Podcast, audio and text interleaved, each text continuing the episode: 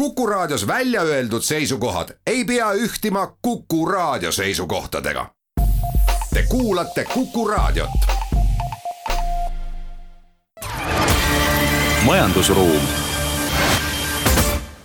tere, head Kuku Raadio kuulajad, eetris on Majandusruum ja stuudios on ajakirjanikud Harri Tuul ja Liina Laks, et räägime kolmel teemal. räägime sellest, et Eh, juba esimesed sellised ettevõtete ülevõtu või tehingud on äh, toimumas siin Eestis ja üldse Baltikumis, et ähm, kuigi sellist suuremat lainet ennustatakse sügiseks. Äh, räägime sellest, et äh, kas ikkagi on võimalik, et majandus taastub kiiresti, et USA-st tulid ühed päris head töö tööhõive näitajad, et kuigi neid, nendes osad inimesed neist kahtlevad, aga turud reageerisid iga, igati positiivselt. Ning saate teises pooles on meil külas KredExi juht Lehar Kütt, äh, kellega räägime ettevõtetele pakutavast riigiabist, et kas kas see jõuab õigesse kohta ja kes on küsinud ja, ja miks need tingimused nii karmid on? aga hakkame pihta, et võib-olla siin vist eelmisel nädalal tuli juba esimene uudis sellest, et eest, eestlased äh, Äh, noh, kas aitasid välja või igatahes said suure osaluse ühes suures Baltikumi ühes suu-, suurimas, kui mitte kõige suuremas reisikorraldajas Novat, Novat. Novaturas on vist äh, õige nimi eesti keeles, äh, Novatours, et ilmselt paljudele kui tutte, kuulajatele tuttav selle poolest, et nende kaudu on reis tellitud, et seal investorite hulgas olid, mulle meenub kohe Neinar Seli ja, ja, ja veel mõned, et toona veel küsiti, mm, mäletan K-grupi äh, omaniku äh, Tiit Pruuli käest, et kas temagi äh, oleks ostnud seda, et mainis, et, et noh, ei olnud sellel hetkel raha, et ilmselt kõikidel sellisel reisiettevõtetel on praegu väga-väga raske, aga aga samas raha ei ole otseselt nagu kuhugi kadunud, et Nova Tuurasel on ka muidugi väga raske, et ilmselt firma on ka ju börsil, et äh, aktsia on siin kukkunud kõvasti ja käibed ja nii edasi, aga ometi eestlased riskisid ja võtsid seal vist veerandi, veerandi osalusest no nad võtsid ja pärast nad seal kommenteerisid ka siin lehtedes erinevalt ja ütlesid, et tegelikult oli päris hea diil. et Novatuurse kohta ise ma olen seda aktsiat jälginud, et äh, ma siin aktsia koha pealt võin ütelda, et. et tegelikult ega aktsionärina ei ole siin midagi rõõmustavat, et need, kes IPO-l läksid seda hinda püüdma, siis toona ta maksis mul mälu järgi vist umbes kümme eurot. ja ta on ikkagi nagu täiesti puruks kukkunud, see aktsia. et noh, siin äh, olid nagu mingid mitmed muud probleemid, aga siis tuli koroona ka peale ja siis oli ikka noh, päris, no ütleme niimoodi, et. et see asi, no tõenäoliselt on nii põhjas ja eks need eestlased tegid ka panuse, et noh, siit saab ainult nagu noh, tõenäoliselt paremaks minna, et nüüd kas läheb täitsa põhja ja saab noh, nii odavalt juba kätte. või siis, kui ta tõuseb, siis noh, saab sealt sealt kasumit, nii et. muuseas, mitte ainult sellised suured investorid, vaid ka sellised väikeinvestorid, mulle tundub, vaatavad äh, reisifirmade poole, et äh, kui siin tuli just näiteks LHV viimane statistika kõige populaarsematest aktsiatest, siis üks selline äh, noh, üks üldse populaarsemaid viimasel ajal on Royal Caribbean, mis korraldab siis erinevaid kruiise Kariibi mere saartel ja mujal, eks ole, on olnud eestlaste heas. nüüd on nad hak-, viimasel ajal on hakatud just seda ostma, et ilmselt äh, oodatakse, et ongi need põhjad käes ja, ja, ja, ja edasi tuleb, ongi tõus on ees nii-öelda no siin ait-, on tõenäoliselt kaasa aidanud ka need riiklikud programmid, sest et eks alguses need kukkusid ka tohutult, sest oli näha, noh ei teatud üldse, kas noh, Royal Caribbean on üks, üks maailma suurimaid siis kruiisiettevõtted üldse. et arvati, et noh, et läheb üldse pankrotti, et mis seal ikka. aga siis äh, selgub, et noh, riigid ulatasid ju reisifirmadele abikäed, no siis öeldi, et noh, mis seal ikka, et ootame need põhjad ära ja eks siis hakkame jälle tõusma, et tegelikult. kui nüüd vaadata, mida eestlased üldse siin kriisi ajal on äh, siis teinud, et ega väga paljud on kasutanud seda juhust ja ongi otse ostnud aktsiaid et siin mitmed ettevõtete juhid ka, kellega on saanud rääkida ja ka küsinud, et noh, aga kuidas siis iseendale investeeringud. siis mõned ütlesid, et no jaa, ikka sõpruskonnaga oleme ostnud ja tõusnud ja ega see nagu vale ei ole olnud, sest. siin alati noh, alates siis, mis siin märtsi-aprilli põhjadest, mis siin on olnud, et need aktsiaturud on ikka pööraselt tõusnud üle kolmekümne protsendi, et. see on ikkagi nagu noh, väga lühikese ajaga teenitud väga hea raha. nii et nüüd on nagu lihtsalt vaja vaadata, et kuidas edasi läheb, et lihtsalt keegi ei uskunud, et noh, see võib-olla see riigi abi nii kiire on ja noh, need summad ka nii jõhkrad on seal jah, no võib-olla teine selline näide, mis ei ole otseselt siia võib-olla väga hästi ei, ei sobitu, aga siiski on ka selline kriisiaja äh, osaluse suurendamine on ka ju Boltis äh, selline üks investeerimis Briti juurtega siis Kai, Kaimani saartel maksuparadiisis asuv siis ühesõnaga investeerimisfond suurendas oma osalust, et osalus oli kuskil kaks protsenti ja noh, on täpselt ei tea, kui suur see osalus on, aga see jääb kusagil, kasvas ütleme kordades, et kuskil kolm-neli korda, et ilmselt jäi küll alla kümne, aga seal lähedal. et see on veel teine näide ja, ja, ja ja üldse, kui ma veel isegi veel siin märtsis-aprillis rääkisin äh, tehingunõustajatega, olgu need siis äh, ütleme tavaäri või tehnoloogia või idufirmad või mis iganes, et, et noh, kõik ennustasid seda, et umbes sügise paiku või ütleme suve teises pooles, et kui on. ütleme, esimesed sellised äh, raskused üle elatud, võib-olla väike suvepaus on ka läbi tehtud, et siis hakkab selliseid tehinguid, kus kas vajatakse kedagi endale appi, eks ole, et rahad on otsas, on vaja sellist investorit kaasata. või on üldse, läheb müügiks, eks ole, et, et noh, ei olegi teist võimalust, eks ole, et, et kuidagi ettevõtteid päästa, et siis selliseid ülevõtu ja, ja tehinguid hakkab järjest juurde tulema. et üks selliseid võib olla ka, see oli sellel nädalal äh,, selle nädala tehing, ehk siis selline suur ka börsil olev, aga äh, Soome riigi suurosalusega Fortum, äh, selline kütte- ja soojaenergiafirma, et äh, siis ostis välja perekond Weberi Tartu küt-, Tartu, Tartu kütteturult siis, et aga teada on, et et Fortum siin müüb oma osad ärisid just vastupidi maha ja väga palju on räägitud pigem sellest, et Fortum on, Fort-, Fortumil on nagu plaanis Eestist nagu lahkuda, et see. et siis üks tõlgendus sellele on, et, et saada nii-öelda paremat hinda või paremat diili selle kogu paketi müümisel, et siis on nii-öelda väike, väiksem osapool välja ostetud no see võib olla küll, aga no pluss on ikkagi tuleb siin ka see asi, mis sa ütlesid, et noh, võib-olla kellelgi just parasjagu ongi seda raha siin vaja ja siin hakkabki nagu see natukene see hinna otsimine, et mõtled, et noh, tegelikult see on nagu noh, laias laastus hea ja see on võib-olla ka sellistele väiksematele investoritele, ma mõtlen hea. on ju see, et vaata, võib-olla mõned ettevõtted, kus ma olen mõtelnud, et ma tahaks saada osanikuks, no ei ole börsil ja mida ma teen. aga nüüd näed, et ai, on raha vaja, et ongi võib-olla hea aeg ennast sisse osta, noh niimoodi tavainimesena ja ka väiksemate summadega, et mitte kohe minna siin kümneid miljoneid luhtitama. et võib-olla see on nagu selline ajamärk ka nagu sealtpoolt. jah, et Fortum on ju olnud üsna selline populaarne tegelikult eestlaste hulgas, et paljud on ostnud seda aktsiat, siin mõned aastad tagasi ta oli isegi siin tootlus oli isegi siin kuni kümme protsenti dividendi tootlus, ehk siis maksis, eks ole dividende, et ähm, ja, ja on ka võimalik ju, et sellises olukorras, kus ütleme, meil on noh, täitsa nagu muutunud olukord, et, et nad, et ka Fortum muudab natuke strateegiat, et seda me ei tea, et. et teisalt just sellised ettevõtted, noh igasugused ähm, sooja, äh, ma ei tea, vee, elektri pakkuvad ettevõtted, noh, need on alati noh, klassikalises tähenduses just sellise kriisi aja turvasadamad, et noh, neid ikka noh, elektrit ja eks ole, kütet ja ikka, ikka tarbid isegi kui muu muul mu,, muus osas kokku tõmbad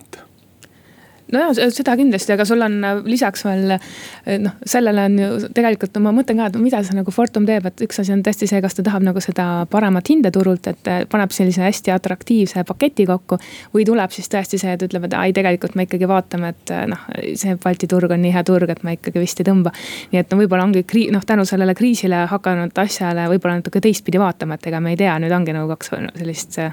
varianti on õhus et äh, jah, et noh, ennusted on, et äh, selliseid tehinguid äh, tuleb veel ja eks me hoiame nendel silma peal, aga teeme nüüd väikese pausi. majandusruum. jätkame saatega stuudios ajakirjanikud Harri Tuul ja Liina Laks ja veel, veel väike jätkukas siis selle müügi ja ostutehingutele, et meenus, et Indrek Neivelt siin aasta alguses müüs oma idufirma sellisele suurele Norra peakontorit omavale, kuid noh, kah suures osas hiinlastele kuuluvale ooperale, et, et see, see tehing äh, tabas küll naelapea pihta täpselt enne kriisi, et ilmselt praegu oleks see, seda natukene keerulisem. Äh,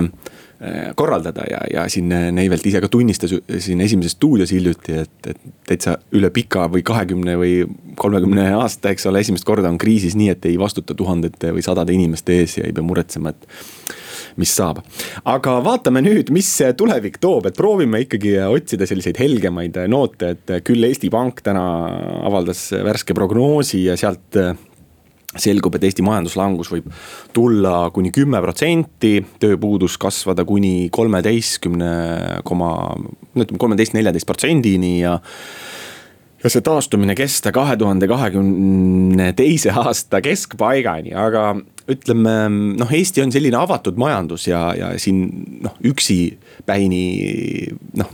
väga palju mõjutada ei saa, et äh, põhimõtteliselt tähendaks see seda, et hakkame siin Münchhauseni kombel ennast äh, juust, juukseid pidi soost välja tõmbama, aga. aga siis üks võib-olla selline maailmamajanduse märk, mis võiks olla jällegi positiivne, äh, oli see, et USA tööturu andmed tulid eelmisel nädalal. jah, et sealt selgus selline asi, et kui oodati sellist jätkuvalt suurt töötuse kasvu, siis tulid märgid, et hoopis äh, on töökohti juurde tekkinud ja, ja,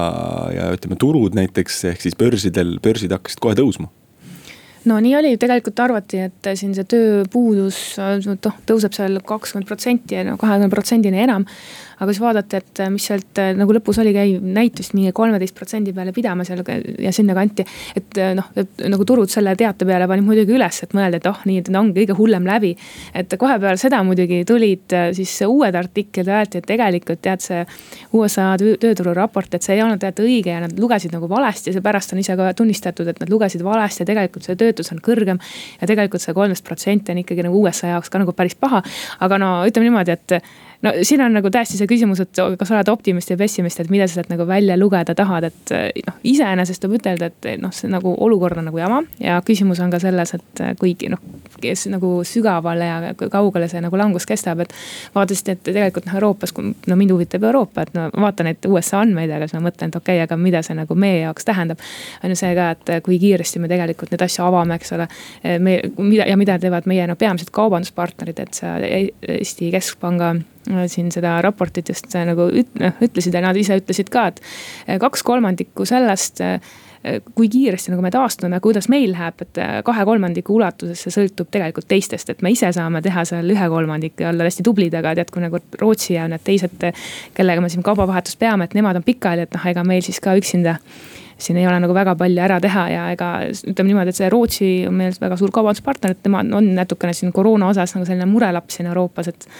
et elame-näeme no Rootsi laias laastus on no, muidugi eh, mõnes mõttes Eestiga ka üsna sarnane, et eh, selles tähenduses samamoodi noh, ikkagi suhteliselt väike ja, ja avatud majandus, et, et ainult sisetarbimise pealt isegi rootslased ei suuda oma majandust püsti hoida ja vajavad samamoodi tellimusi, eks ole, kas Saksamaalt, USA-st ja nii edasi, et.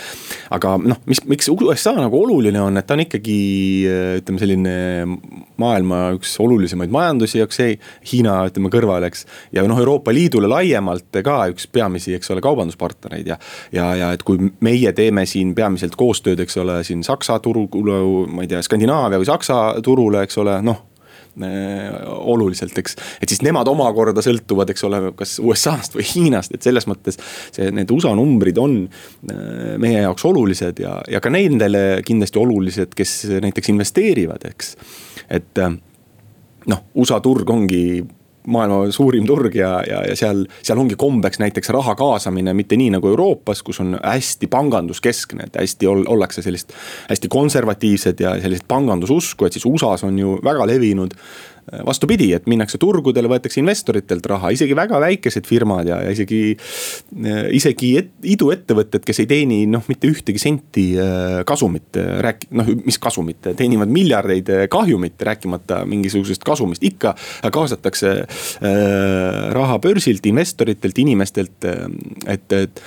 ja, ja seetõttu ka see börsi liikumine ühel või teisel moel palju rohkem kajastab seda, mis majanduses, kas toimumas on või toimuma hakkab, et, et. et praegu tõsi, see kogu see rahatrükk, mis on toimunud siin viimastel aastatel, on natukene asjad paigast ära löönud, et, et suures osas see on, ei ole läinud ju noh, on läinud ka majandusse, aga väga suures osas läinud ka just varadesse, eks ole, just kinnisvara ja. ja, ja, ja aktsiad ja nii edasi, et ehk siis seal on toimunud teatud noh, ülehindamine tõenäoliselt või noh, ütleme raha on voolanud sinna rohkem, kui oleks muidu läinud. kui asi seda väärt. ei, seda noh no. raske, raske, raske öelda, aga see, kuidas noh teise, noh, ütleme, kui me nüüd positiivseid märke otsisime, et siis USA-s äkki asjad hakkavad vaikselt, noh, ütleme, kas just noh, tõusma, aga igatahes võib-olla mingi põhi on saavutatud loodetavasti, eks me peame ära ootama ka järgmised, järgmise kuu andmed, et, et siis võib-olla on natuke paremini as-, näha, mis toimub et äh, mingi põhi on saavutatud ja noh, kui põhi on saavutatud, siis me hakkame ju vaikselt ülespoole rühkima. aga natukene ikkagi mulle vähemalt teeb ja, ja, ja vaidle mulle vastu, ma loodan, et sa vaidled mulle vastu, see ikkagi börside selline täiesti tohutu ja, ja ikkagi lõpuni seletamatu tõus, et kui me oleme täna juba kõrgemal, kui me olime enne koroonakriisi, et äh, need indeksid ja, ja, ja tasemed, et äh, noh. kas tõesti nii, noh, et kas see, kas see ootus on sellele ikkagi, et majandus taastub suhteliselt kiiresti, eks, et me ost-, ostame ju börsilt ootust, mida ettevõte näitab mitte täna, vaid näitab, eks ole, ma ei tea, poole aasta pärast, aasta pärast. või on seal ikkagi õhku täis? ma tean, ma arvan, et isiklikult ma arvan, et seal ikka seda õhku on pii-, noh nagu ausalt öeldes piisavalt, et, et ma nagu praeguse majanduse taastumise osas ma olen nagu, nagu seda meelt, et ma ei usu, et noh, me kõik nüüd läheme täiesti nagu metsa, sest et nagu inimkond peab edasi elama, et vahet ei ole, koroona või mitte, et pärast katku ka läks elu edasi, eks. aga lihtsalt, miks pannakse raha aktsiatesse, ma noh üks põhjus lihtsalt on selles, et äh, kui sa näed, et kui, kui sa nägid, kui palju kukkusid tegelikult börsid siin kevadel, eks. siis äh, sul noh, sa võib-olla neid tasemeid ootasid seal juba, ma ei tea mitu,, mitu-mitu aastat, et, sa näeksid, et Apple oleks nii odav või sa näeksid, et Microsoft oleks nii odav. ja vaatasid, et lõpuks ometi äh, noh, saad aru, tegelikult need aktsiad ei kukkunudki nagu suhtarvudelt nagu nii palju, nad kukkusid umbes sinna. mis, kus olidki nagu nende noh, nii-öelda jutumärkides normaalsed väärtused ja siis nagu rahvas hakkaski ostma, mõtles, et noh, mis seal ikka. no näiteks näiteks oli sama näiteks nafta hinna puhul, et vaata, nafta läks ju noh miinusterritooriumile, et need, kes vähe, kellel vähe oli võimalik osta seal, eks ole, eks need ostsid. ja täna on siis äh, nafta hind jälle, see on äh, rühkinud seal nagu nibin-nabin neljakümne dollari peale, et noh, et sealt sai ka nagu üht-teist teenitud. ja tegelikult see sul noh, inimestel lihtsalt ei ole nagu teist head kohta, kuhu panna, eks ole, et sul on okei okay,, sul on kinnisvara, eks ole, aga kinnisvaratehingud igalt poolt, kust noh, kui ma ka neid teisi Euroopa riike vaatan, et et seal nagu natukene on ikkagi hangunud tänu koroonakriisile, et noh, Eestis ka on ju, mis siin tuli, kas mais oli vist kolmandiku võrra vähem oli tehinguid Tallinnas, et. et need on ikka päris suured numbrid ja siis mõtledki, et noh, paneme natuke aktsiatesse, et pluss on tegelikult ju sul igasugused pensionifondid ja need, et ega nemad ei saa ju ka elu seisma panna öelda, et okei okay,, ma nüüd investeerin ja tuleb iga kuu ju noh, raha peale, eks ole, need, need pensioni või noh töötu töötajatelt, et kes siis oma seda protsenti seal maksavad, et mis nad teevad, et nad peavad ju kuhugi selle raha panema, et. et see nagu ka natuke toidab, pluss on ikkagi see, et sa saad seda lisaraha riikidelt, nii et muuseas, ma tahtsin välja tuua lihtsalt äh, enne kui me pausile läheme, et see nafta hinnatõus on ka natukene võib-olla ka positiivne, et siin paljud ennustasid, et kogu see ütleme, naftatööstus lõpp, lõpeb maa peal olemise ära ja üldse mingi nafta tootmine ei ole mõtet. täna on nafta hinnad tasemel, kus juba see õli tootmine ka seal Narvas tasub ära, nii et nii et äh, elu vaikselt siin taastub, aga teeme nüüd pausi. majandusruum jätkame saatega, stuudios ajakirjanikud Harri Tuul ja Liina Laks ja meil on külas KredExi juht äh, Lehar Kütt. no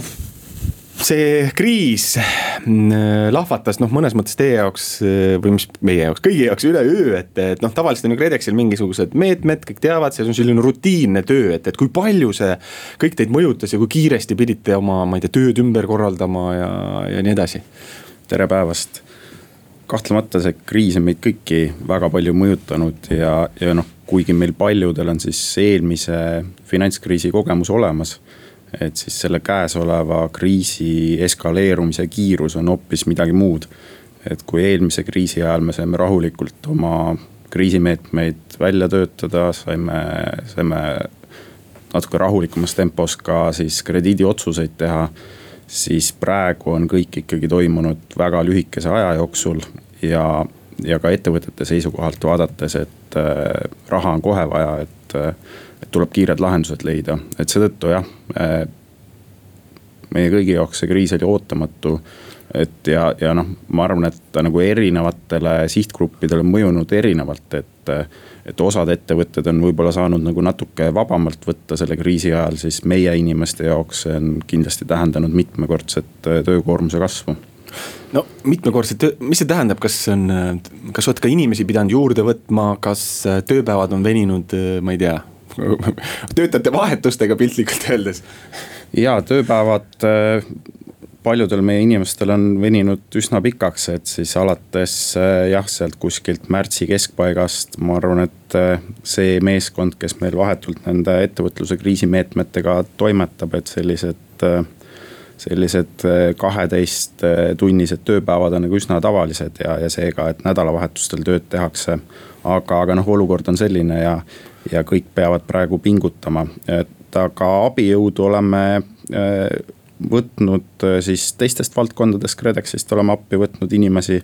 ja oleme mingil määral ka värvanud uusi inimesi juurde, kuigi noh, arvestades, et KredEx oli enne kriisi inimeste arvu mõttes üsna väike organisatsioon, et. et siis ka absoluutnumbrites need in, inimeste arvud, mis me oleme juurde värvanud kriisi ajal, et need väga suured ei ole, et ikkagi alla, alla kümne inimese oleme juurde võtnud no tavaliselt ma arvan, et siin tavaline võib-olla Kuku raadio kuulaja, noh, KredEx seostub, ma ei tea, korterilaenuga või eks ole, korterielamu renoveerimisega, et. et mis, mis meetmed nüüd need ettevõtjatele nüüd täpsemalt äh, välja töötati või mis praegu kät-, kättesaadaval on? jah, võib-olla KredExi meetmetest niimoodi sõna otseses mõttes kõige nähtavamad on äh, korterelamute rekonstrueerimisega seonduvad äh, toetused, noh kuna igal pool linnapildis on, on kortermaju näha ja. ja noh, paljud meist kortermajades elavad, et see, see puudutab meid kõiki isiklikult. aga tegelikult siis KredEx alates asutamisest peale kahe tuhande esimesel aastal on kogu aeg pakkunud eh, teenuseid ka ettevõtetele, et ettevõtete poole peal me küll ei ole kunagi tagastamatuid toetusi andnud, aga meie siis peamiseks eh, tegevuseks on olnud pankade poolt väljastatavate laenude käendamine. Äh, erinevatel aegadel siis erinevates mahtudes oleme ise otselaene väljastanud, näiteks eelmise kriisi ajal väljastasime rohkem tavapärasest ka ise otselaene ettevõtetele ja siis äh, alates kahe tuhande kolmeteistkümnendast aastast oleme tegevad ka riski ja erakapitali investeeringute tegemisel. et tegelikult äh, meil ajalooliselt on selline ettevõtlusvaldkonna ja elamumajandusvaldkonna suurusjärk olnud enam-vähem nagu sama, aga tõesti inimestele tihti jääb see eluaseme pool rohkem silma. noh, üks on jah, see korterelamutega seonduv, kuid väga paljud inimesed kasutavad ka siis KredExi eluasemelaenu käendust aga ütleme nüüd, kui eks ole, valitsus tuli välja nii-öelda uue meetmetega, mis on nagu uut või mis need ettevõtete meetmed mis on teistmoodi? jah, et noh, selles mõttes eh, noh, täiesti kardinaalselt midagi uut on keeruline selles valdkonnas välja mõelda, et jätkuvalt pakume ettevõtetele eh, käendusi pankadest laenu saamiseks ja pakume ka laene ettevõtetele siis otse, kui äh, nad mingil põhjusel oma rahastamismuredele pangast lahendust ei saa. mis nüüd siis peamine muutus on võrreldes äh, kriisieelsete KredExi teenustega, on see, et äh, teenustasud on oluliselt odavamad, intressid, käendustasud, nõuded on leebemad Äh, ja, ja summad, mida me siis ühe ettevõtte kohta oleme valmis kas siis käendusena või laenuna välja andma, on ka oluliselt suuremad, kui, kui nad olid enne kriisi. kui võrrelda seda käenduse võtjaid ja laenupalujaid, et mis nende, kas neil on mingiseid, mingi erinevus äh, või mis neid eristab, et miks osad küsivad käendust, et ehk siis saavad tegelikult pangast laenu ja teised noh, ilmselt ei saa peamine erinevus äh, ongi selles, et, äh, et kui ettevõte võtab meie käendusega pangast laenu siis äh, tavapäraselt me käendame ainult osa sellest laenust. tavapärasel ajal kuni kaheksakümmend protsenti laenust. praegu, tõsi küll, kriisimeetmetega osade sihtgruppide puhul kuni sada protsenti laenust. aga enamikel juhtudel siis tõesti osa riskist äh, peab pank kuidagi muul viisil ära maandama, kas äh, leidma selleks muid tagatisi, noh mida siis pakub ettevõtja see, see vahe siis tulebki sealt, et kui, kui pank ei ole valmis seda riski võtma, et siis, siis need ettevõtted pöörduvad äh, rahastamise saamiseks meie poole äh, aga kas mingis, äh, ütleme praegu, kas võib märgata, et on mingid sektorid, mis ütleme, saavad, võtavad pigem käenduse ja mingid sektorid, mis noh, vajavad juba ikka laenu? eks ta selles mõttes noh, mingit liigitust seal saab nagu teha küll, et noh, pangast on lihtsam saada laenu sellistel ettevõtetel, kellel on endal mingi tagatisvara olemas ja mingites sektorites tegutsevatel ettevõtetel, noh, neil ei olegi põhitegevuseks mingit noh, väga, väga olulises väärtuses vara vaja, et. et seetõttu jah, et, et ütleks, et sellised äh, teenussektori ettevõtted näiteks äh, siis pöörduvad äh, tihti laenu saamiseks meie poole kuidas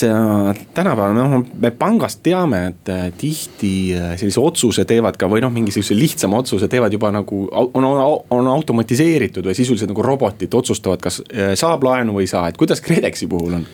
Meie suund on ka kindlasti sinnapoole liikuda, et järjest rohkem oma tegevust automatiseerida ja, ja tegelikult me nende arendustega oleme siin mõnda aega juba tegelenud enne kriisi alustasime nendega ja oleme ka kriisi ajal jätkanud.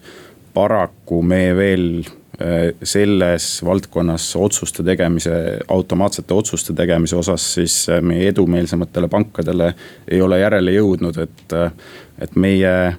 meie automatiseeritud lahendused oleks pidanud valmis jõudma sügiseks, et kriis tuli natuke liiga vara aga kas mõnes mõttes see ei ole hoopis hea, et võib-olla need robotid, eks ole, teeksid automaatselt mingeid otsuseid, mida noh, ütleme täna valitsus eeldab, et teie teeksite hoopis teistmoodi? ja noh, eks nende robotite puhul on ju ka see, et äh, nad on ikkagi nagu abivahendid, et, äh, et äh, meiesuguse organisatsiooni puhul on ikkagi alati mõistlik, et inimene vaatab ka kõik need noh seisukohad siis üle, et kuhu, kuhu siis mingi nii-öelda robot on nagu jõudnud, et. et tõesti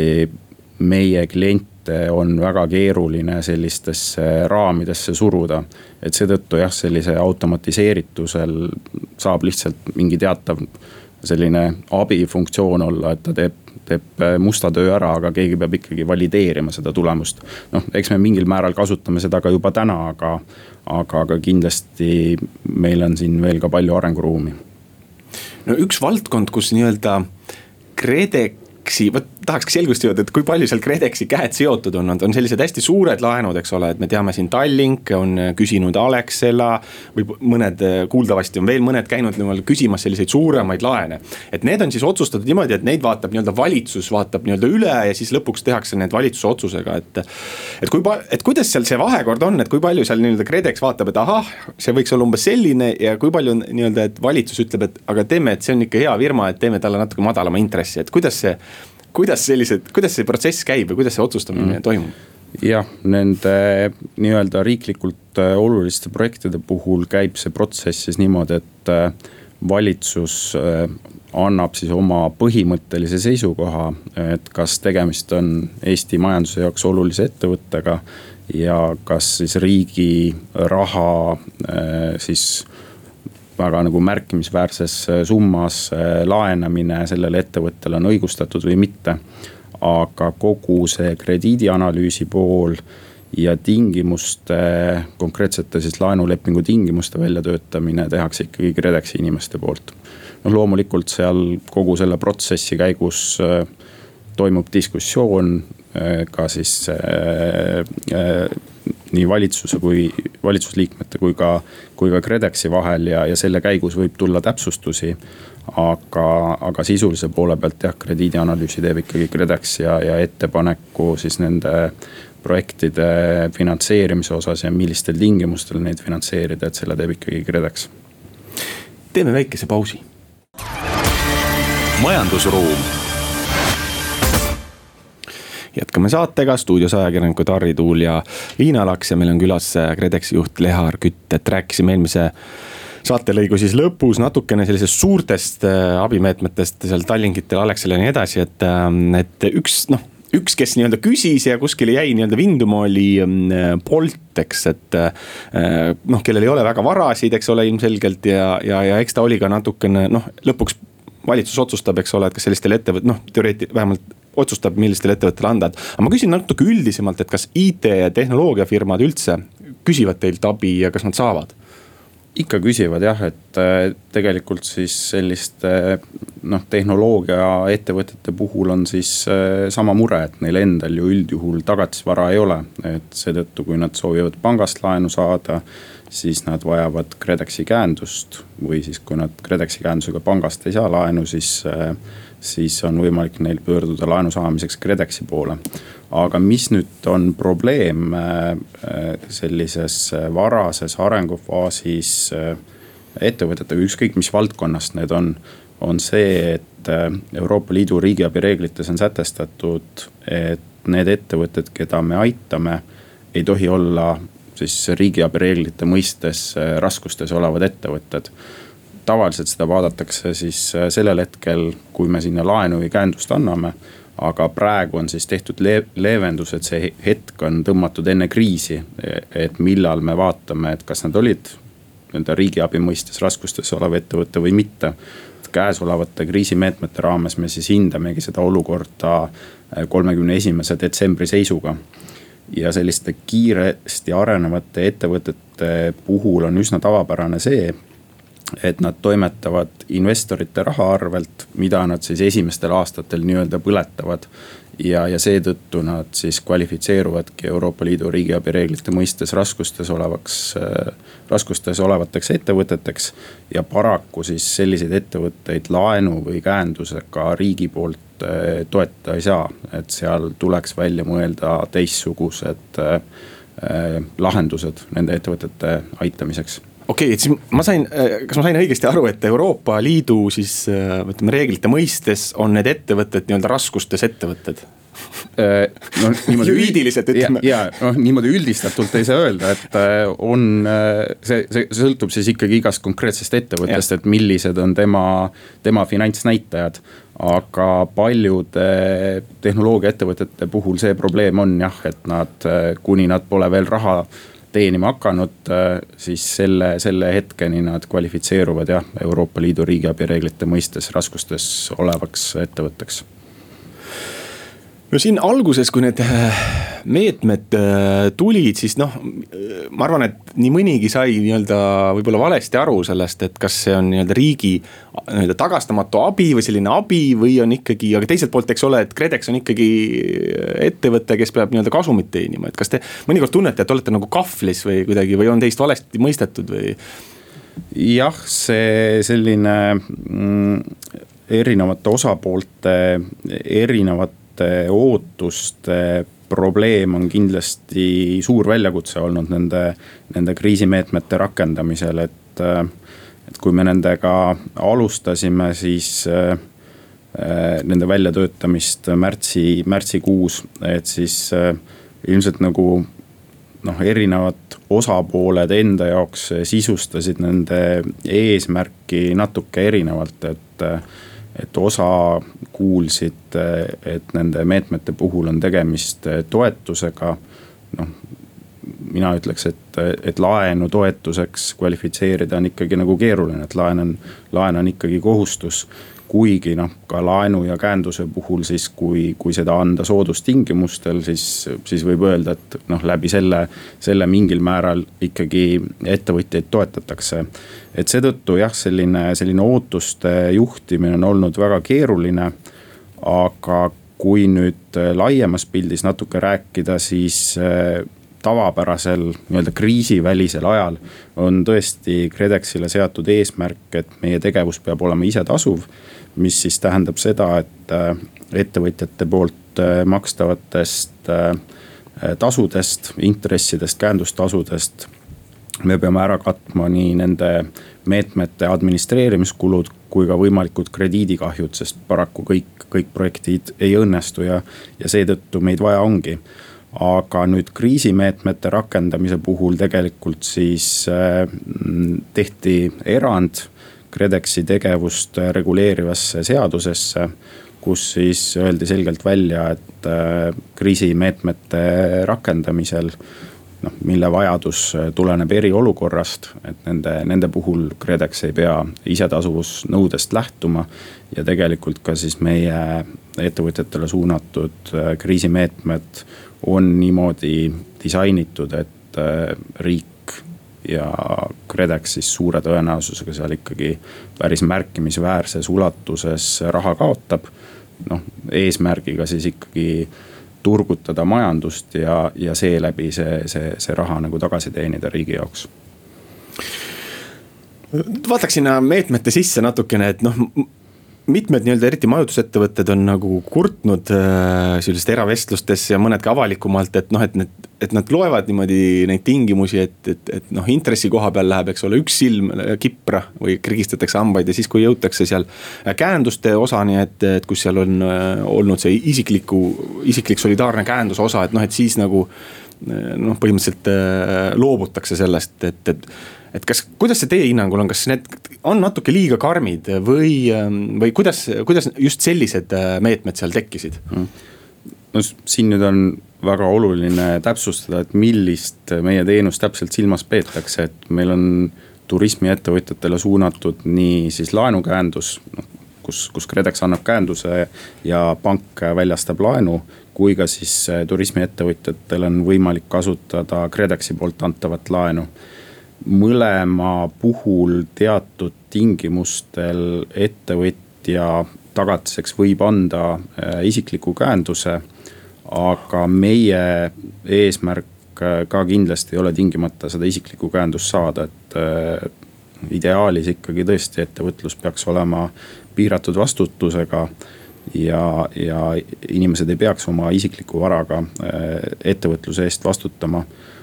aga miks me selle võimaluse oma teenuste puhul oleme sisse toonud, on see, et kui, äh, kui ettevõtetel muud tagatist ei ole anda. et siis äh, mitte ei oleks variant see, et me üldse ei saa neile laenu anda, vaid, vaid kui meil on laual siis see valik, et kas neile üldse mitte anda või siis leida ikkagi nagu mingi muu tagatis, noh milleks võib-olla osade ettevõtete puhul saabki olla ainult isiklik käendus. et siis tal on vähemalt see valikukoht, et, et ta saaks selle, selle laenu isikliku käendusega. kui nüüd täpsemaks minna teenuste lõikes, siis tõesti jah, see turismiettevõtjatele suunatud laenukäendus, mis meil on, et seal seda isiklikku käendust äh, saab siis kasutada ainult juhtudel kui ettevõte ei ole rahuldavas finantsseisus või kui ettevõtjal muud tagatist anda ei ole. ja, ja samamoodi siis ka meie otselaenu puhul, et kui, kui muud tagatist ei ole, et siis, siis on võimalik eh, see tagatisnõue täita läbi isikliku käenduse. praegu siis eh, on ka eh, Vabariigi Valitsuse poolt otsustatud niimoodi, et kõik KredExi poolt antavad laenud peavad olema tagatud. Kuidagi, kuidagi me peame selle, selle nõude täitma. aga loomulikult äh, me oleme järjest oma teenuste tingimusi üle vaatamas ja, ja igasugune selline tagasiside on teretulnud aitäh, KredExi juht Lehar Kütt, stuudios olid äh, ajakirjanikud Liina Laks ja Harri Tuul, kohtumiseni majandusruumis järgmisel nädalal. majandusruum